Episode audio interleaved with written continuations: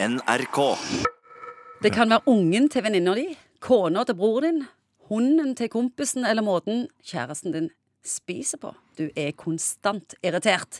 Psykolog Egon Hagen, hva irriterer deg? Ja, jeg er jo litt irritert over det dårlige været. Og så irriterer jeg meg å se på, hvis jeg skulle være så heldig å måtte se på en sånn realityserie på TV. Det er ikke noe spesielt bra for mitt blodtrykk, tror jeg.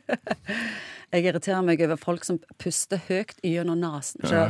Ja, ja, Hvorfor blir vi så irritert på andre sine vaner eller uvaner? Ja, det, Nå er vi jo over på dette med temperament og innstilling til livet og personlighet og alt dette å gjøre. Ja, vi vil svært gjerne være gode og milde og saktmodige, men vi blir irriterte. Alle blir det. Irritasjon er vel kanskje hvis du opplever at eh, noen andre bryter noen sånne regler eller verdier som du sjøl har. Og gjerne kan det være små ting, men det skjer gjentatte ganger, og det blir liggende som et lite gnagsår i skoen. Jeg har jo sagt det før at i et parforhold at hvis du blir veldig veldig irritert over måten som han pusser tennene på eller knytter skoene på, så er det ikke sikkert det bare handler om tannpuss og skoleser. Men det som er viktig, det er jo at eh, hvis du opplever og vet at det er ting som irriterer deg, så må du jo ha noen filter. Og hvis du ikke liker det så Noen er jo sånn at eh, det er et radioprogram du ikke liker, så skal du for guds skyld fortelle hele verden at du ikke liker dette radioprogrammet. Kan du ikke bare skru av, eller flytte oppmerksomheten ditt? Flytt deg.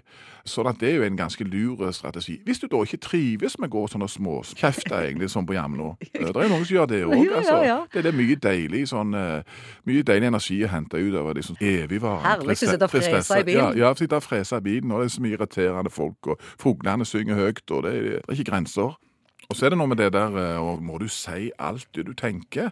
Folks subjektive oppfatning av alle ting, folks meninger, må på dødelig kringkastes nonstop. Så, så prøv å trene deg på å tie stille noen ganger. Flytt oppmerksomheten din hvis du oppdager at verden går i en litt annen sånn frekvens enn det du skulle ønske sjøl.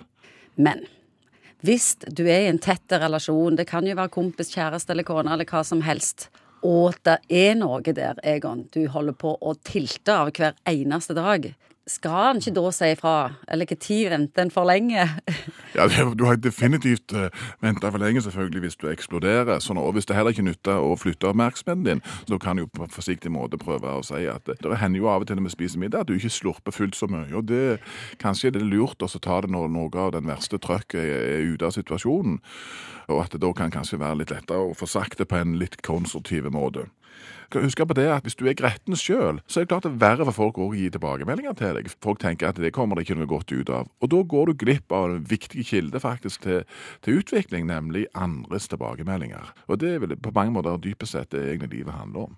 Jeg har jo alltid syntes synd på de som går rundt og gneldrer og småsinte og irriterte og klager og krangler med, med bussjåføren og kanskje er det mye godt med det. Nei, nei, det er sant. Irriterte øker sikkert sannsynligheten for å få magesår, høyt blodtrykk, det skaper avstand til andre folk, og du sørger for at eh, dagene dine blir sure. Trikset er selvfølgelig å lære deg å flytte fokuset og ikke eksponere deg for ting som irriterer deg. Og så kanskje jobbe litt med ditt eget sinnelag.